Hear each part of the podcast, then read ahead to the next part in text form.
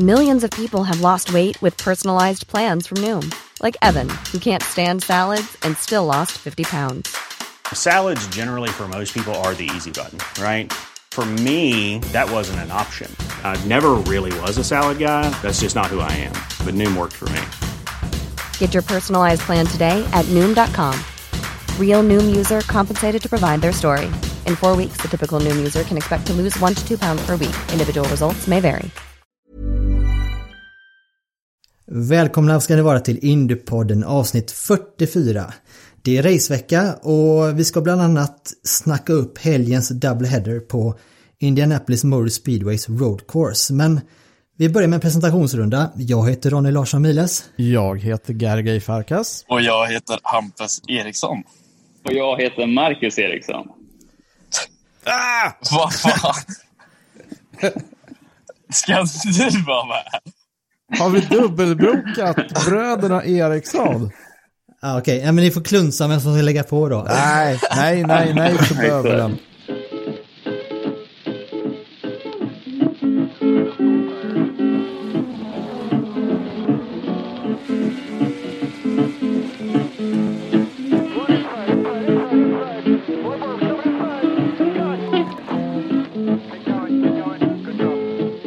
I wanna know where my easy rider gone. Said I wanna know where my easy rider gone. You're the easy rider, but you do ride not so long. Han var ju förvånad också. Vi, vi tog han på sängen där, lillbrorsan. Men jag såg att någon Marcus kom in, men det var ingen så här... um, Det stod bara Marcus och typ med K, ingen bild. Jag fattar ingenting. Jag bara, "Ja, jag frågar inte om det eller något. Ja, jag försökte snabbt som, snabbt som blixten försökte ändra namnet där på min eh, profil. Men ja, ja, ja. Så, så Ja, du, lät, du lät förvånad Hampus, så jag tror att vi har Ja. lyckats i alla fall. Det var lite... Det, det tycker jag faktiskt. Ja, vad bra. Men hur ofta, hur ofta har ni möjlighet att liksom snacka med varandra? Eller möjlighet har ni väl alltid, men hur intensivt kan ni umgås när ni sitter på varsin sida Atlanten? Alltså, det, det är inte jättelätt att liksom kunna matcha det. Men jag försöker snacka och ge honom tips och vi snackar runt racehelgen och sådär. Jag försöker coacha härifrån så mycket som jag- kan. Sen brukar Hampus, du brukar ju skicka meddelanden och sånt där till mig runt racehelgerna. ja precis. Nej, jag måste... Eller jag brukar mest ja, men säga lycka till och sådär. Snacka lite, ja, men lite lätt. Bara några meddelanden, några samtal innan racehelger. Eh, när Marcus ska köra. Men sen när det är mina racehelger så att säga, då, då brukar det bli lite mer seriöst och lite mer tips som han ger mig. Men det, det är det bästa vi kan göra just nu, så det, det Ja. duger bra. Hur länge sedan ni har sett sågs live då? Början på året, kanske? Eller? Ja, jag, jag har inte varit hemma sedan i januari. Så det är ja, januari som var sist jag såg familj Ja. och så vidare. Så det, det har varit ett tag sedan. Precis. Ja men det är ju så att det är ju Hampus, du är ju liksom veckans officiella gästpoddare. Men vi känner ju det att det finns ju ingen, är det någon som kan din karriär bättre än någon annan så är det ju, förutom dig själv, så är det ju, är det ju Marcus. Så Ja, vi spelar in honom på ett hörn här så att vi passar både på att prata lite Harvest Grand Prix tillsammans här nu. För det var ett tag sedan du, vi snackades vid Marcus också. Eh, Men vi tänkte ju då prata lite Hampus Eriksson idag. Ja, men det tycker jag låter som en bra plan. Ja. En bra mix. Absolut, absolut. Alltså det var ju ett tag sedan vi snackades vid Hampus. Det var ju strax, eh, strax före fjolårssäsongen när den skulle dra igång och du skulle ta klivet upp till eh, engelska Formel 3 va? Ja, men precis. Det var, men berätta, hur, hur blev den säsongen? Ja, men när vi kom in och när det blev klart att jag skulle köra brittiska Formel 3 eh, så hade vi ändå... Eh, planen var att ja, ha ett läroår helt enkelt. Eh, lära sig så mycket som möjligt. Det var en, en ny bil då jag körde Formel 4 innan. Men jag kunde ändå de flesta banorna på grund av att jag körde brittiska Formel 4 innan. Eh, sen när vi tog eh, steget till Formel 3 så bytte vi även team. Eh, vi kände så att eh, det behövdes en ny start helt enkelt. Eh, och ja, jag tycker vi gjorde det rätta helt enkelt. Och då signade vi med Double R Racing som eh, Marcus. Han kände, han kände teambossen väldigt bra och jag lärde känna honom också. Boyo heter han, eller kallas. Mm. Och sen säsongen i sig, jag, jag tycker vi gjorde framsteg men var väldigt inkonsistent så att säga. Det, Mm. det var mycket berg och dalbana och vi var upp och ner med resultaten och farten men vi lyckades få några bra stunder tillsammans, bland annat en vinst men annars så var det inte det var inte så mycket mer. Liksom, I början efter de två första racehelgerna så låg vi fyra i mästerskapet, en poäng bakom trean och sen blev det bara mer och mer poäng från toppen. Och jag halkade bara ner i mästerskapet. Så det, det var ett jobbigt år, men jag, vis, jag tycker ändå jag visade många stunder att vi hade farten och tanken var ju att göra två år där, men nu blev det inte så helt enkelt. Ja, men du fick med dig en seger där på Snetterton ganska tidigt på säsongen. Va? Och det blev väl en tionde plats i, i sammandraget, så det är väl inte fy skam för en debutsäsong sådär. Men, eh, men plan, den ursprungliga planen var alltså en, en eh, längre satsning i England. Ja, precis. Nej, men planen var ju som sagt att göra två år och det, det var lite samma sak i Formel 4 när vi gjorde ett rookie-år då vi skulle ja, men lära oss så mycket som möjligt, ta målflaggan i alla race och så vidare. Eh, och sen var planen ganska likadan i Formel 3 när vi tog st- steget dit och det var väldigt många duktiga förare där och ja, men jag lärde mig jätte, jättemycket men Mm. det, man kan inte predikta hur säsongerna blir och det, Nej, det är mycket förstås. pengar involverat. Och, ja, man får bara göra det bästa man kan på banan och utanför banan helt enkelt så får man se vart man hamnar nästan. Men alltså en fråga till dig Marcus, du som var med på hela den här resan och hade en jäkla massa duktigt folk omkring dig som liksom kunde branschen, kunde karriärvägarna. Alltså hur mycket, hur mycket kan du liksom ta den erfarenheten och kunskapen och på något sätt stötta Hampus väg framåt? Ja, men jag har ju försökt genom alla år egentligen när han, från Hampus började med gokart så har jag försökt med alla mina kontakter och med all tid jag egentligen har kunnat lagt för att inte liksom eh, ta tid från min karriär har jag ju lagt på att hjälpa Hampus och eh, jobbat väldigt hårt eh, för att hjälpa honom att få upp budget till, till varje säsong och så vidare. Och, eh, vi har väl lite olika där. Jag hade ju eh, jag vill inte kalla det turen, men, men förmånen att bli upplockad när jag var 15 av liksom ett program där med Kenny och Eide i spetsen och liksom med, med full backning klar och så vidare med sponsorer och investerare och hela den biten. Och, och det är ju väldigt få som får en sån möjlighet. Och med Hampus har det varit lite mer den vanliga vägen som man kanske säger att man liksom får jobba varje vinter som en, som en gris för att Mm. försöka få ihop eh, sponsorpengarna och det har varit ett tufft jobb. Och, eh, men, men ja, jag har försökt så, så mycket jag kan och, och bidragit en hel del där med mina kontakter och mina erfarenheter. Men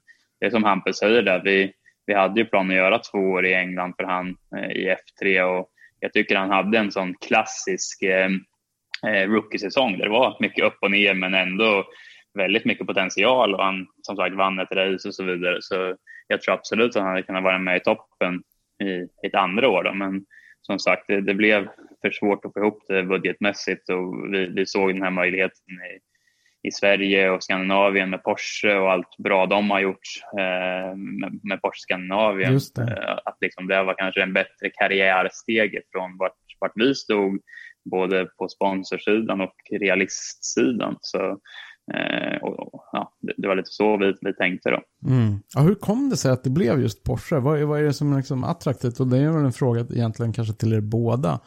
Hur kom det sig att det var just den satsningen som kändes som mest attraktiv? Jag kan väl börja från, från, från mitt håll så tyckte väl jag för Hampus del att det är så, sånt nålsöga att komma hela vägen upp genom formelklassen och det blir extremt mycket dyrare för varje steg och har man inte Mm. eh, antingen en, liksom en rik familj eller någon annat upplägg bakom sig så är det väldigt, väldigt, eller nästan omöjligt att ta sig upp liksom den stegen och då får man Mm. kolla vad det finns för, för olika alternativ och, och och där ser vi en stor potential, eller i alla fall jag tycker det finns en stor potential genom Porsches egna program där. Mm. Att eh, liksom dels köra här i Sverige. Det är lättare för partners och sponsorer att kunna liksom göra det mer eh, attraktivt för dem att kunna ta med, nu har året varit speciellt med corona, men kunna ta med kunder ut på race och sådana Mm. saker. Och sen just att Porsche har en, de plockar upp om de ser att de har talanger i sin, sina klasser runt om i världen så, så får de oftast hjälp upp i karriären och det är där jag ser att en stor möjlighet för Hampus i framtiden att kunna bli en fabriksförare för till exempel Porsche. Just Jag vet det. inte hur du ser på det Hampus, men, men så, Jo, men- så, så tänker lite jag i alla Ja, fall. det, du förklarade jättebra allting. Särskilt det här med sponsorerna och kunder, komma till banorna. Eh, sen också, det, jag, jag har ju rest till och från England i tre år nu. Det är mycket enklare att liksom, ja, men dra till Gelleråsen och köra ett race 45 minuter bort. Det är fortfarande jättehög konkurrens i det här mästerskapet. Jag lär mig jättemycket. Jätterolig bil att köra. Eh, proffsiga personer och team också. Och sen också att sponsorer kan komma till tävlingarna. Det sänds på tv. Ja, men man, man växer liksom på medier och det är väldigt viktigt i den här eh, branschen också. Så, men jag, jag tycker det, det funkar bra än så länge i alla fall. Men kan man säga att det fortfarande är liksom single seaters som är det långsiktiga målet eller, eller har du helt skiftat fokus från och med nu? Alltså det, det är en bra fråga. Jag, jag har tänkt på det lite, men än så länge så jag saknar inte singelsitter så mycket, men både F3 och Porschen är väldigt olika varandra, men väldigt roliga att köra. Det, båda mästerskapen har varit supertuffa med jättemånga duktiga förare och bilen. Jag har lärt mig jättemycket av att köra så mycket jag bara kan, men jag vet inte riktigt vad jag vill. Det, jag, jag vet faktiskt inte. Det, det är svårt. Det tror jag, jag tror också från, eh, från min sida så tycker jag också att det, det, man ska aldrig stänga dörrar tycker jag. Utan det, man, man får se liksom vart, vart karriären tar vägen. Jag tror att Exakt göra några år i Porsche nu för Hampus tror jag kan vara väldigt bra och nyttigt och lärorikt. Och sen om, om något år eller två så får man ta en ny liksom span på vart ser det bäst ut karriärmässigt att gå. Och så, så känner väl lite jag när jag kollar på, på Hampus karriär. Sen är det, det är ju precis som du säger också Marcus, att single seaters är ju lite av ett lotteri om du inte från början har den, den tunga backningen. Liksom. Om man inte blir, blir upplockad. Och där finns det ju rätt eh, nyligen svenskar som har kommit väldigt långt i, i single eh, spåret men ändå inte når hela vägen för att man saknar backningen. Liksom. Så att det är, det är verkligen inte en dum strategi att bygga på bredden och, och då är ju en Porsche-satsning en sån här fantastisk väg in till en, kanske en, en annan typ av långsiktig karriär. Och någonting som jag tycker är jätteroligt på, på sista, sista åren med, med den skandinaviska Porsche-cupen det är att just att unga förare som du Hampus satsar på klassen. Att det, det håller verkligen så här snabbt på att förändras och gå från det här som kanske traditionellt var mer en gentlemannaklass som man körde för att man hade råd. Utan nu är det liksom unga talanger som satsar på den här klassen. Det tycker jag är jättekul med, med vad, vad framförallt svenska Porsche har gjort här på, här på hemmaplan. Men alltså rent körmässigt, hur stor har, har omställningen varit till att köra en tung täckt bil jämfört med, ja, du kommer ju från liksom karting och Formel 4, Formel 3 hållet. Ja, det, ja, det är nästan så mycket skillnader du bara kan hitta från om man då jämför eh, formelbilen F3 som jag körde med Porschen. Det är först och främst bara Singelsviten har ju aerodynamik och eh, massa downforce som man, man vill utnyttja dem till max och verkligen ja, men, kasta in bilen i kurvorna för att kunna, utma- ut, eh, för att kunna maxa greppet eh, komma av bromsen så tidigt som möjligt för att verkligen ja, men använda all downforce som är tillgänglig. Medan i Porsche är det helt, helt olika. Där vill du hålla bromsen och trailbreaka ända in till apex och in, så långt in till kurvan som möjligt i och med att Porschen är så lätt fram och tung bak. Motorn sitter där bak till bakhjulsdriven. Så det understyr jätte, jättemycket i den bilen om man jämför med en singelseater. Då, då. Eh, så då måste du vara på bromsen hela, hela vägen tills du kan börja öppna upp eh, steeringlocket och gå på gasen. Och man, man vill verkligen trailbreaka hela vägen, vilket jag inte riktigt varit van med det eh, i och med att jag har kört formelbil så mycket. Men jag har ju trailbreakat och ja, men haft en liten glimt av hur, hur man gör. Men jag har lärt mig hyfsat bra tycker jag och utvecklats som bara desto mer jag kör i Porschen. Och sen också det är en tung bil. Jag har aldrig kört en racingbil med tak heller. Det är en helt omställning. Liksom, när man går ut och det regnar och man blir inte blöt. Det, Det är lite det konstigt. ja, men typ. Eh, Men jag, jag tycker den är jätterolig att köra annars. Det är en jätte, jättebra bil faktiskt. Och det märks ju också att, att, att resultaten kommer också. Du ligger ju P4 i sammandraget nu. Precis. Och de du har framför dig är ju ganska rutinerade några av dem. Det är liksom Lukas Sundahl och Pontus Fredriksson och Hugo Andersson före dig. Och de har ju, de har ju varit med ett tag, åtminstone några av dem. Men ehm, så att det ser, på pappret ser det ju väldigt starkt ut, som en stark säsong eh, för att vara en debutsäsong. Men själv, har du, har du haft, eller liksom ligger du i linje med dina egna förväntningar? Eller är det, har det gått bättre än vad du trodde? Eh, alltså lite både och skulle jag säga. Jag, planen, eller planen, det jag hade tänkt mig var lite att jag såklart skulle utvecklas för varje racehelg och bli snabbare för varje gång, vilket jag gjort nästan. Eh, och sen i slutet skulle jag försöka utmana om om pa- pallplatser, topp fem, kanske eventuellt seger om det är möjligt. Eh, men sen när vi kom in i säsongen så märkte jag att vi, vi hade bra fart direkt på alla tester och Ja, men det gick jättebra. Det är bättre än förväntat. Men sen när vi kom till premiären på Falkenberg så kvalade jag bra. Allting gick hur bra som helst. Mm. Eh, och sen i racen så stämde det inte alls. Det var som en hel chock. Jag fattade ingenting. Och då var det ja, men lite det här med däcksuppvärmning. Eller alltså, jag hade inget grepp på de första öppningsvarven på racen. Jag, det, var, det var en helt annan teknik att värma upp däcken. Och det har inte varit samma sak på testdagarna för då har jag tagit det lugnt och inte bara haft ett varv att värma upp däcken på. Så vi har inte riktigt... Ja, men det kom som en chock helt enkelt. Eh, Men sen genom de här racehelgerna som varit så har jag lärt mig mer och mer tack vare min ingenjör och mina teamkamrater som är väldigt erfarna inom den här bilen och klassen. Mm.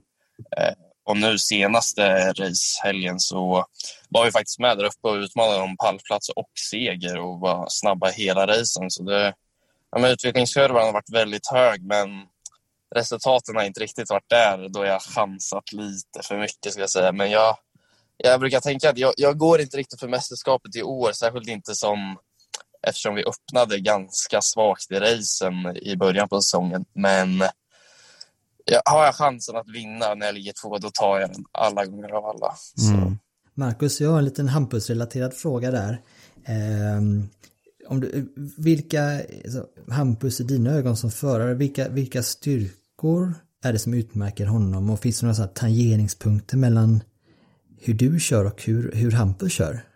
Men man kan väl säga, om man kollar rent krasst i år, så har ju han varit kvalspecialisten och inte fått till den i racen och jag har varit ungefär tvärtom. Så vi skulle, vi skulle behöva utbyta lite kunskaper där kan jag säga. Men, äh, nej, men, äh, men, men annars så tycker jag väl, nej, men som sagt, kvalen har ju Hampus varit väldigt duktig på hela året och han, jag tycker att det verkar som att Hampus har väldigt lätt för att liksom ja, hitta greppnivån och förstå vad man måste göra för att köra snabbt. Så den, den kunskapen har han ju haft ända sedan gokartdagarna och i alla klasser.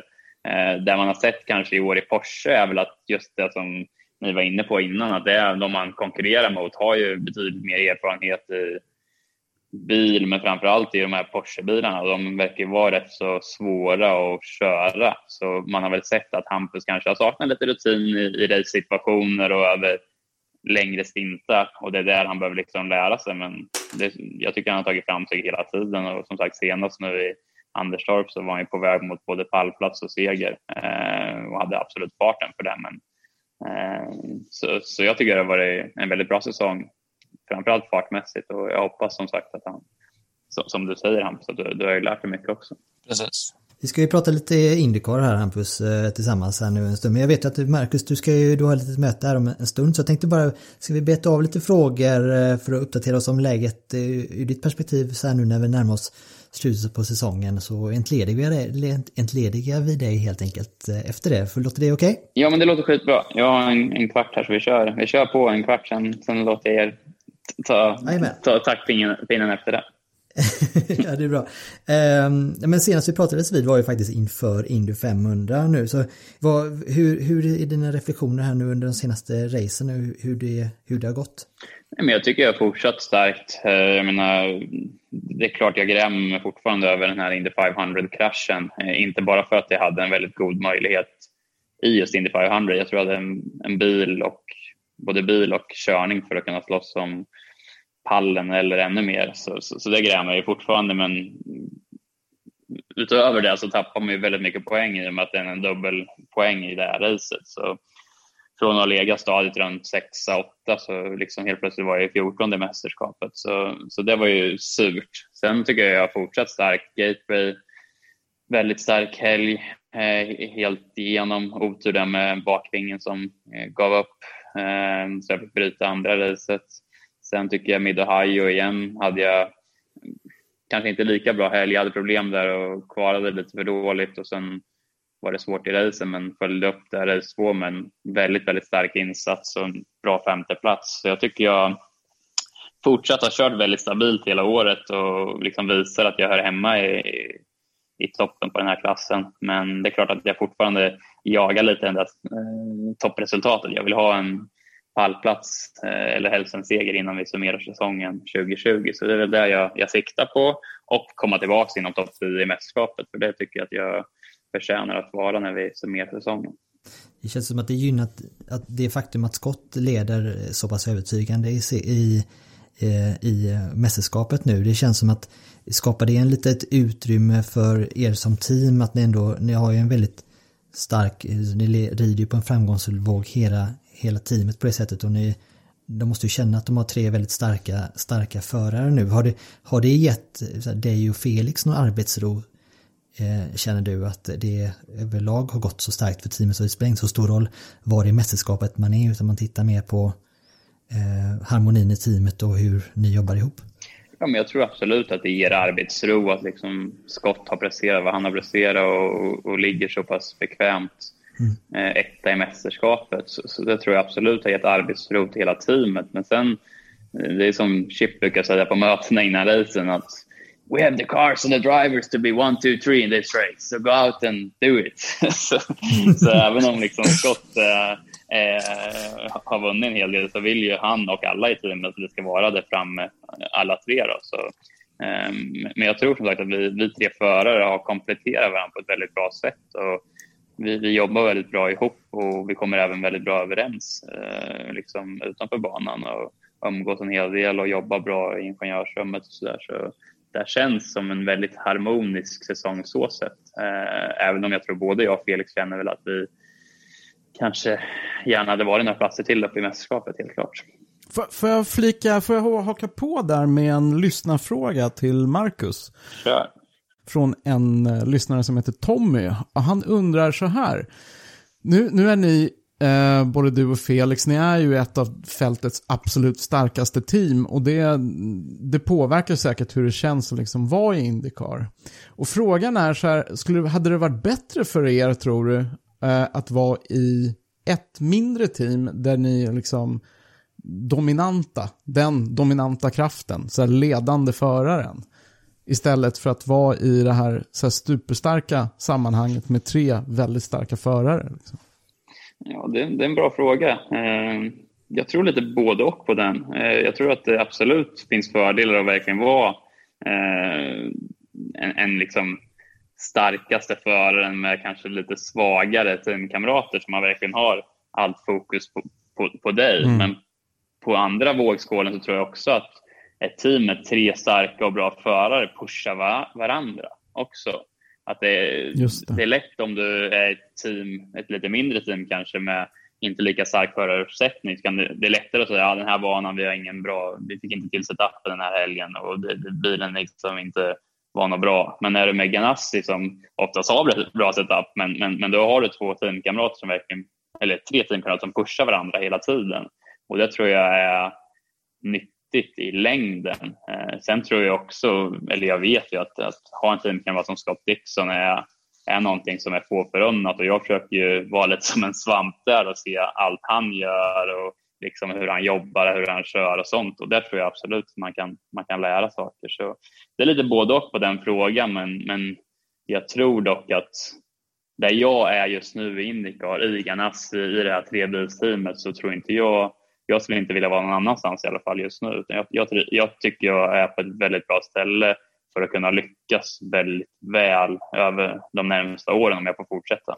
Nu är ju silly season är ju igång nu. Vi har ju eh, Sebastian Bourdin in, in här nu. Hinch eh, tar över efter Beach eh, direkt här. Eh, det, hur, apropå det här nu som du säger att du är, du är på en, en, den platsen där du vill vara. Men hur ser eh, kontraktssituationen och, snacket ut där nu? Har det börjat röra på sig eh, för din egen del när det gäller eh, snacket inför, inför nästa år? Ja, men det är som du säger, det händer väldigt mycket grejer nu inom Indycar och det, det, verkar vara, det tisslas och tasslas en hel del i Indycar-kretsar också om, om många förare som har kontrakt som går ut och så vidare. Så det verkar hända en hel del. Eh, men, men från, från min sida så har det varit så klart under en tid nu att både jag och teamet vill fortsätta vad vi har påbörjat i år. Eh, men det är fortsatt i ett förhandlingsläge där det är lite andra bitar som måste liksom eh, klaras ut innan, innan det är helt klart. Eh, men jag vet att det har varit väldigt positivt från teamet att, att de vill att vi ska fortsätta eh, ihop och som sagt från, från min och mitt managements sida så vill vi också fortsätta. Men, eh, men ingenting är klart än. Men, men det är det som är målet och det ser ändå hoppfullt ut. Men jag brukar säga det, i den här branschen innan någonting är påskrivet och klart så kan man liksom inte ta ut någonting utan då, man, man får fortsätta jobba på. Allt jag kan göra i det här läget är ju att leverera på banan. Det är det mm. viktigaste. Så, så det är väl det jag fokuserar på. Sen har jag ju Eje och, och, och, gänget som, som jobbar på de andra bitarna. Men, men ja, jag vet att det ser hoppfullt ut i alla fall. Så mycket kan jag säga. Ett trendbrott för, för, för teamets sida, för Husky Chocolate nummer 8 sida tycker jag här nu. Det var ju, det var som vi har ju lyft det, i podden ett antal gånger, den frustrationen, det känns som att du, allting du jobbar upp under racet tappar du på i depåstoppen många gånger. Det, det framförallt var det ju på, eh, på, på Gateway var det väl. Eh, eh, och, men senast här nu så var det ju, det såg det riktigt starkt ut i depåstopp. Är det någonting som ni har jobbat väldigt hårt på eh, och varit mycket uppe för diskussion in, inom teamet? Just hur eh, ni hanterat depåstoppen och sådär? Jo, men det har ju varit tydligt eh, från början på året att vi har haft lite problem där. Och, eh, jag har väl lagt mycket tid på det också, liksom varit och, och, och peppa depågänget så där och försökt jobba med dem och kolla på videos från depåstoppen och försökt se vad jag kan göra eh, mer för att hjälpa dem och, och liksom, eh, göra bättre depåstopp helt enkelt. Och, eh, utmaning vi har haft har ju varit att största delen av min pit crew är ju från IMSA-teamet som Ganassi hade eh, förut och, och, de har inte gjort Indycar på stopp på några inte alls och, och, några har inte gjort det på många, många år. Så det har ju tagit lite tid för dem att, att komma igång med det här helt enkelt. Men det var väldigt kul som du säger att, att vi verkligen eh, gjorde väldigt bra depåstopp hela helgen som var i, i Mid-Ohio. Vi tog ju faktiskt Persenå på en bra strategi plus bra depåstopp och bra in och utvarv och det tror jag var jäkligt kul för, för det kändes verkligen som hela teamet. Det var, det var en team effort och eh, jag, även innan Mid-Ohio hade jag lite möten med alla på min, på min bil och liksom försökte peppa alla och säga att liksom, vi, vi, vi är så nära nu, vi, vi, vi kan liksom slåss mot de bästa och ja, jag har lagt ner mycket, mycket tid på det eh, under året och det känns som att det har gett resultat och hoppas vi kan fortsätta nu sista tre racen på samma, samma spår. För, för, för, grejen är ju att Indycar är så otroligt jämn så om du har en pit crew som är bra så kan ju det vara skillnaden mellan att vara femma eller till och med vinna ett race. Så tajt är det ju. Så nej, det är jätteviktigt.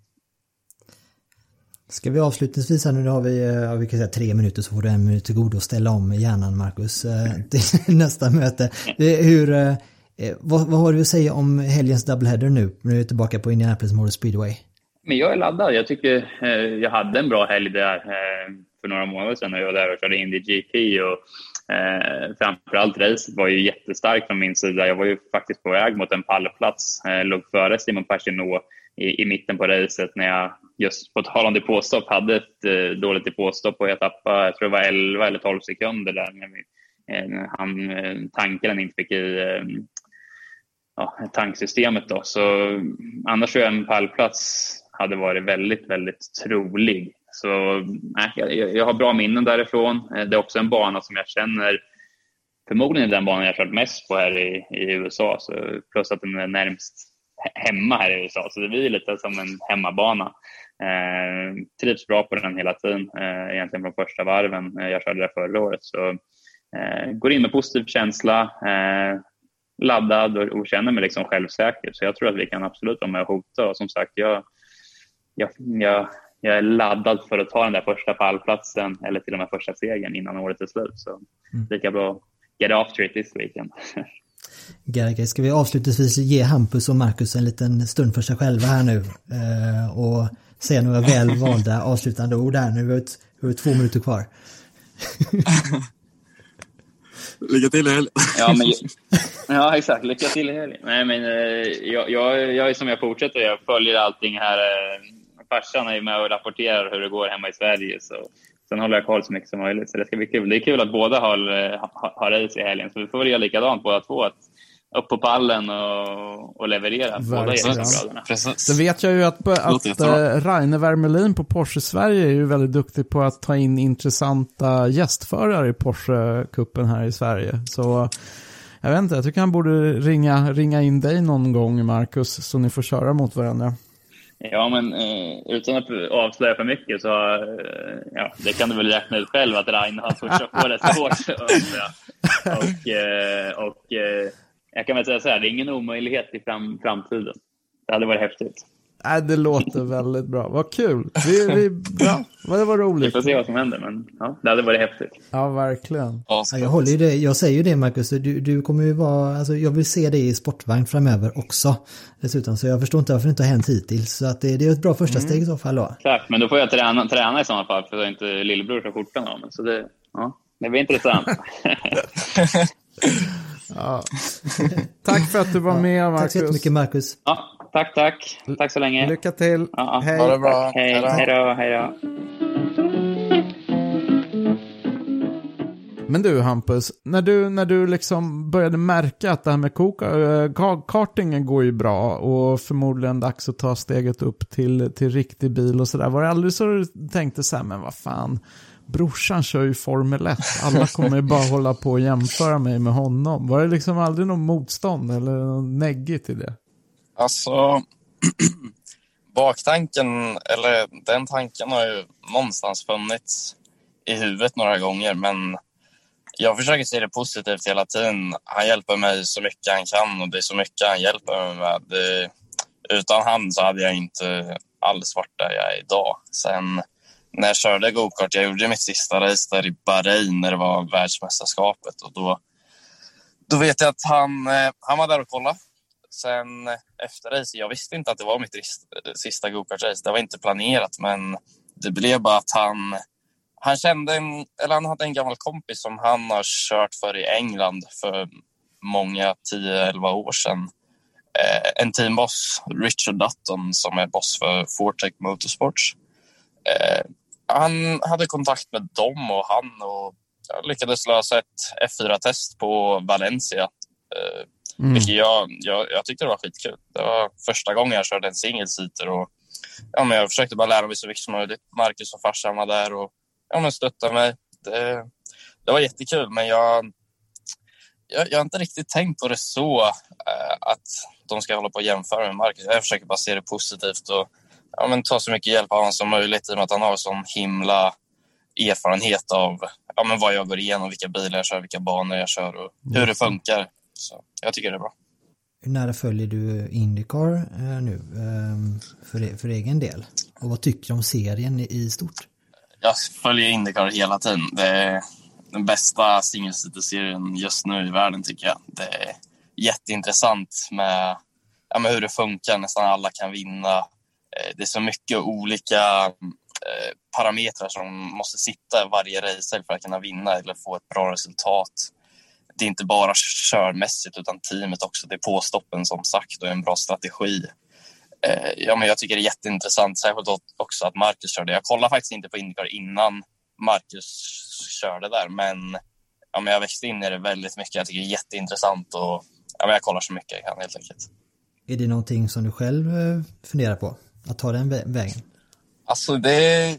Ja, jag hade aldrig tackat nej kan jag säga. Det, det är en lång väg. Det är långt bort också. Det, över Atlanten så att säga. Men man vet aldrig. det, det, jag hade hellre kört Indycar än F1 i alla fall, det kan jag säga. Det hade jag också gjort. Eller vad säger du Gergej? Um, ja, nej jag, jag ska sticka. nej, jag hade hellre kört uh, Le Mans i uh, en riktig prototyp.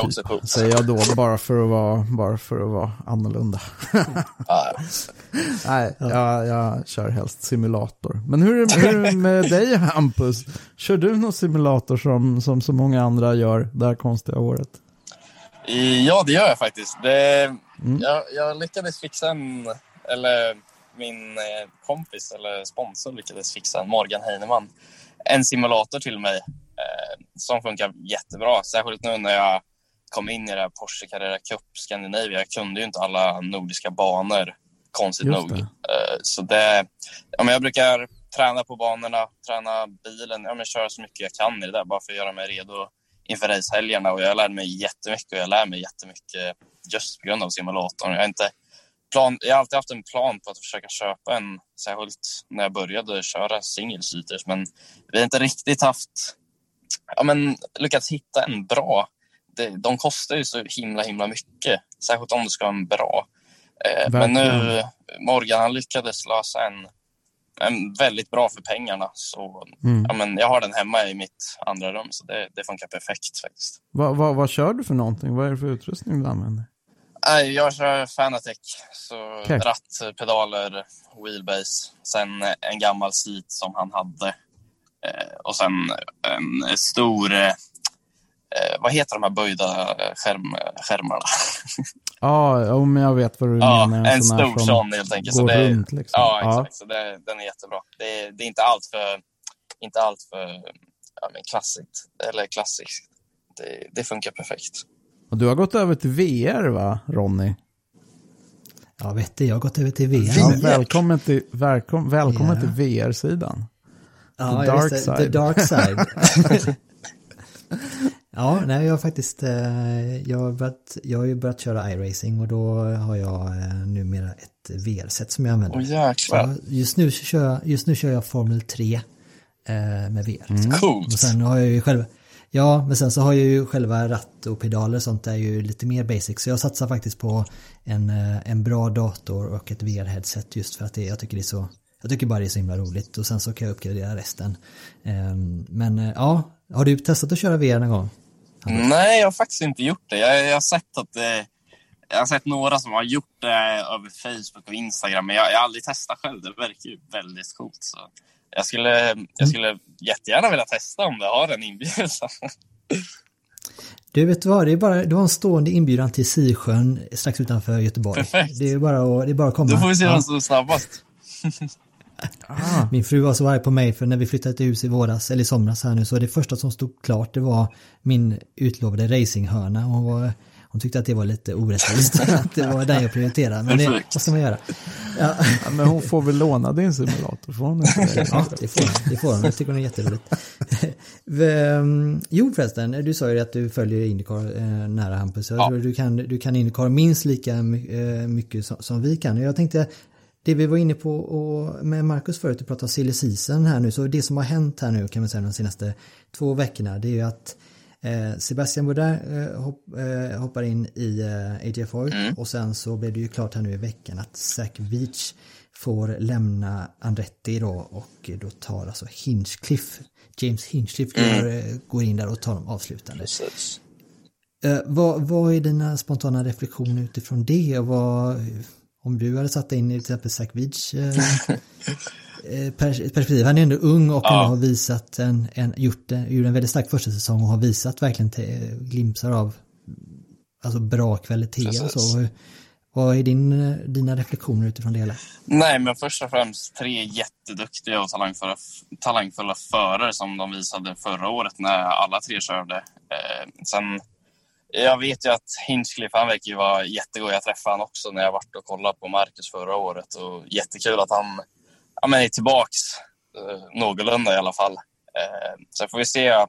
Det kan inte vara lätt att hoppa in i bilen bara så där i mitten på en säsong och försöka vara konkurrenskraftig. Och samma för Bourdais som ja, men var jättesnabb förra året. Så, men vi får se vad de kan åstadkomma här nästa race. Jag, jag hoppas det går bra för dem faktiskt och som jag har förstått det här nu så är det eh, Gamebridge då som har backat eh, Zach Veach då, han, hans bil. Det kommer ju fortfarande stå Gamebridge på Mm. den här bilen nu för en Simshift. Frågan är vad som händer nästa år där för jag, jag tror att det är så att de har pratat om att det är eventuellt Colton Hurta som ska ta över en Gamebridge-bilen och att sån som Connor Daly kanske Oj. kan kliva in i Andretti med sin då. Men det är ju så här en spekulation som jag Ja. Lite spekulationer så, men vad tror du? Det känns ju som en naturlig rockad ändå. Ja, exakt. Jag, jag har faktiskt inte hört det där, men det, det hade varit jättecoolt om det, om det stämde. Eh, Connor Daly har ju verkligen visat sin fart, men inte varit så konsistent kanske. Eh, särskilt på ovaler har han varit jättesnabb, så det, det hade varit jättecoolt att se det. Särskilt i ett sånt toppteam också, om det nu, om det nu blir så. Jag kan ju säga det bara för att vara tydlig här nu. Det är, alltså, det, det är en, eh, en, en, en, en tes som eh, Marshall Pruitt eh, driver Okej. på racer.com så att han, han har väl tänkt högt helt Mm, enkelt. Men det, det brukar ju ligga lite kon i hojtet när han, eh, när han snackar och så, så vi får väl Inget omöjligt. vi ja, vi får väl se helt enkelt. Sen så en sak som var lite, lite jobbig att höra tycker jag, det är ju eh, att Oliver Askew får ju avstå här nu då från eh, Harvest Grand Prix, för han mådde ju inte bra här efter Indy 500, den smällen han råkade ut för där och det visar sig att han har haft eh, hjärnskakning helt enkelt. Så att han får ju avstå här nu då och då är det Helio Castro Nieves som går in där och det är inte, det är en intressant Ja. ersättare bara det. Men är inte det rätt skandalöst egentligen att de har missat detta? Att Oliver haft hjärnskakning?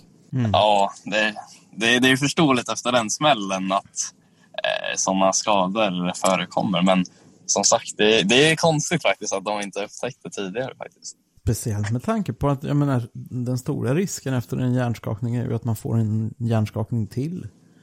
Och den risken finns ju om man kör Indycar. Ja. Ja, det har varit så. Vi hade ju haft lite spekulationer och pratat om just eh, när vi har reflekterat över Olivers eh, säsong så här långt. Och vi har varit inne på det här med att det, hade en, det var lite sån här rookie-säsong med toppar och dalar och sådär. Och så eh, helt liksom ovetandes så är det ju så att, och ovetandes för han egen del också, så har han ju liksom kört på kanske på halvfart rent liksom fysiskt då. Knappt det kanske nu sista, sista Ja, racen. Så att det, är- det är ju skönt att den här typen av, att det ändå uppdagas nu att det kan bli en, en nystart. Så vi hoppas att du Oliver, om du lyssnar på detta, eller familjen till Oliver här nu, eller liksom hör detta, så be honom krya på sig. För vi, Exakt. vi vill ha honom tillbaka så fort som möjligt. Men apropå hjärnskakningar, Hampus, hur går det med hockeyn nu för tiden? Jaså, det vet du? Ja, jag ska faktiskt iväg och träna efter det här. Är det så? Ja, Okej. precis. Det, jag kör ju i Kumla då, då, i J20, Ja. J20-laget och eh, lite med A-laget också. Så det, jag tycker det är jättekul. Det, jag har ju kört hockey nästan, jag, eller jag har gjort det. Jag har kört hockey längre än vad jag Mm. men kört gokart och bilracing allmänt. Eh, Så det, det har alltid varit något som kommer på vintern där precis efter racingen. Det, är- det, övergången den är perfekt där. Eh, Mm. När hockeyn är slut, ja, men då börjar racingsäsongen och när racingsäsongen är slut då börjar hockeysäsongen. Så det, det har varit en perfekt ja, men, balans i det där och också träningen i hockey. Det är ju mycket fysträning och särskilt också när, på ispassen när det är mycket ja, men intervaller eller konditioner eller vad vi vill kalla det, det, vilket är så viktigt i bilen också. Så det är Just det. något kul också, så det, det är perfekt. Jag, jag älskar det. Ja men vad kul. Och Det, det är väl också en anledning att satsa på, på GT-bil så slipper man vara Ja. sådär eh, übersmal. Utan man kan ha liksom en hockeyfysik. Ja, precis. Det är, det är lite där, singelsitter, så då ska man ju vara liten och kort och så. Jag är ju kort, men eh, i och med att jag har kört hockey i, ja, vad är det? Ja, många år i alla fall. så har jag ju ja, men, större ben än vanligt och så vidare. Och det är inte vanligt för en singelseater-person. Men då om du kör GT-bilar eh, så, så kan man ju vara lite större eller längre om det är så. Så det, det passar ju perfekt. Ja. Har du en så kallad hockeyröv? Ja, jag skulle säga det. jag visste inte om ni hade koll på det, men eh, ja, de som vet, de vet. Vilken position spelar du? Eh, Jag spelar faktiskt back, så jag är en liten eh, teknisk back om jag får säga. Jag delar gärna ut en tackling om det är någon som utmanar. Ja. Men vad är det med fa- familjen Eriksson och hockey? Ja, det, det är mycket. Vi brukar ju kolla också på Örebro som spelar i SHL. Det är ju, Örebro ligger ju tio minuter, en kvart från Kumla. Så det, nu när corona-säsongen har precis börjat för dem, men eh, det har inte blivit några matcher att titta på live, men vi följer ju, i alla fall jag, farsan, Pontus och Marcus följer så mycket vi kan. Vad jag vet i alla fall. Särskilt Marcus, han är ju kär i det där laget känns det som. Eh, Men jag, jag, jag följer också jättemycket, så mycket jag kan. Och de har öppnat väldigt starkt och ligger totalt 3 i tabellen tror jag det är nu. Delad första plats. Vunnit två, två matcher. Så det, det, ser, det ser bra ut. Jag hoppas de kan eh, ja, men gå till slutspel i alla fall i år. Ja, det får vi väl hoppas. Men bara så länge det inte står Frölunda så är jag nöjd. Oj, det får man inte säga. Aj då. Nu lägger, nu lägger Hampus på här. Ja. Är du kvar? Ja, det är, han är kvar. Vilken tur. ja, men eh, ska vi se. Ska vi börja avrunda lite kanske? Fundera lite. Ska vi, ska, vi, eh, ska vi titta på något extra inför helgen, inför helgens race? Vad, vad, är det någonting ni ska följa lite extra med lite extra intresse? Ja, ja jag, tror, eh, jag tror som vanligt på Marcus. Det är, I och med att det är den här banan också. Så, mycket, som han sa, han gillar den lite extra också. Och haft bra fart varje gång han har varit där. Så jag, jag tror det kan bli en riktigt bra helg. Jag hoppas det också. Det, det förtjänar han efter mycket strul som har hänt den här säsongen. Så ett bra resultat, det, det tror jag verkligen på. Ja, det var också kul att höra honom berätta att liksom det är ett tydligt mål att vilja ta den här första segern för säsongen. Nu har ju Felix tagit sin första seger så det vore väldigt kul om, om även eh, Marcus passade på att göra det nu sin andra säsong. Så.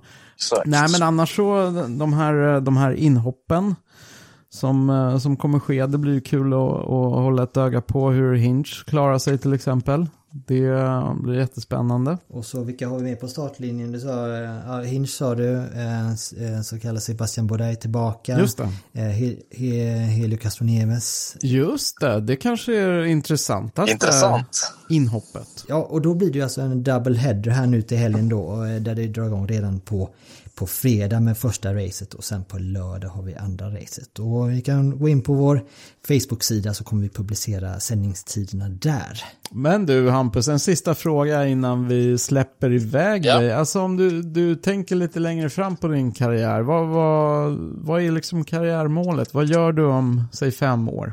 Uff, vilken fråga. Eh, Den är elak. Alltså, ja, men jag förstår. Den är intressant också. Eh, ja, om man får drömma så är det ju... Eh, jag, jag tänker lite antingen ja, men långlopp så som Mm. Le Mans eller ja, men 24 timmars långlopp eh, i GT-bilar eller LMP-bilar. Eh, Mm. sen också en annan eh, spekula eller dröm skulle jag säga, Indycar om det är så. Mm. Det, det hade ju varit ascoolt också tycker jag. Men de två skulle jag säga är mina main eh, mål inom fem år. Skulle jag säga. Ja, vad roligt. Det där med långlopp tycker jag låter kul. Jag, jag har också, precis Ja. som Ronny, länge tyckt att det, det vore riktigt kul att se Marcus i, i uh, sportvagnsracing också. Han har ju vissa egenskaper som, som jag tror skulle göra honom till en väldigt bra långloppsförare. Vore kul. Kanske en, en bröderna e Eriksson-bil i Le Mans. Ja, det hade vore- varit något. Det hade ju varit något, verkligen. Ja. Och du är bara barnet också eh, Hampus, så att du har ju eh, du har ju många år kvar på dig. Och Ja, mycket att lära. Mycket att lära. ja, men det är jättebra Hampus. Och så, okej, vad har vi för hålltider på dig nu i helgen nu? För nu kör ju Porsche Carrera Cup i, eh, i helgen också. Ja, precis. Det, först och främst så kommer vi faktiskt ha lite träningar på, eh, på torsdag. Det är det enda schemat jag har fått än så länge. Eh, Vi brukar inte ha tester på torsdagar. Vi har ju race på oftast två race på lördagar, men nu i och med att det är corona så har ju vissa race blivit inställda såsom eh, eh, det norska racet i och med att vi inte kommer dit. Eh, Så de har slagit ihop vissa racehelger så det blir tre race istället för två som det är vanligtvis. Och då kör vi ett race på kvällen på fredagen och två race på lördagen. Eh, Så det kommer bli träning, officiell träning, kval och race 1 på fredagen och sen lördag race 2 och 3. Eh, men tider har jag inte riktigt än faktiskt, tyvärr.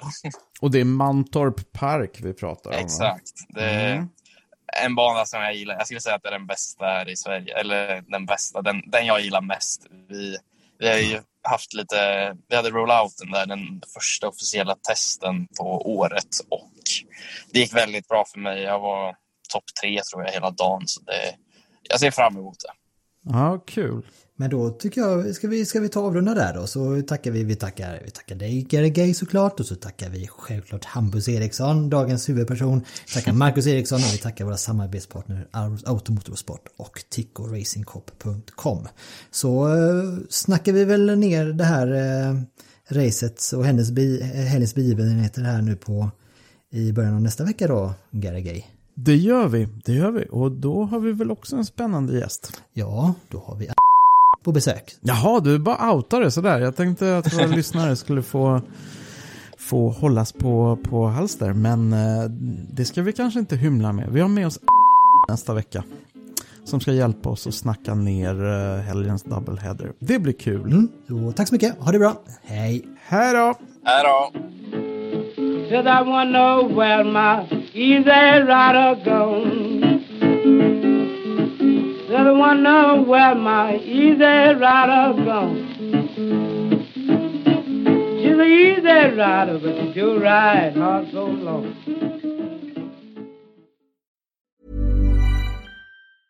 Cool fact a crocodile can't stick out its tongue. Also, you can get health insurance for a month or just under a year in some states. United Healthcare short term insurance plans, underwritten by Golden Rule Insurance Company, offer flexible, budget friendly coverage for you. Learn more at uh1.com.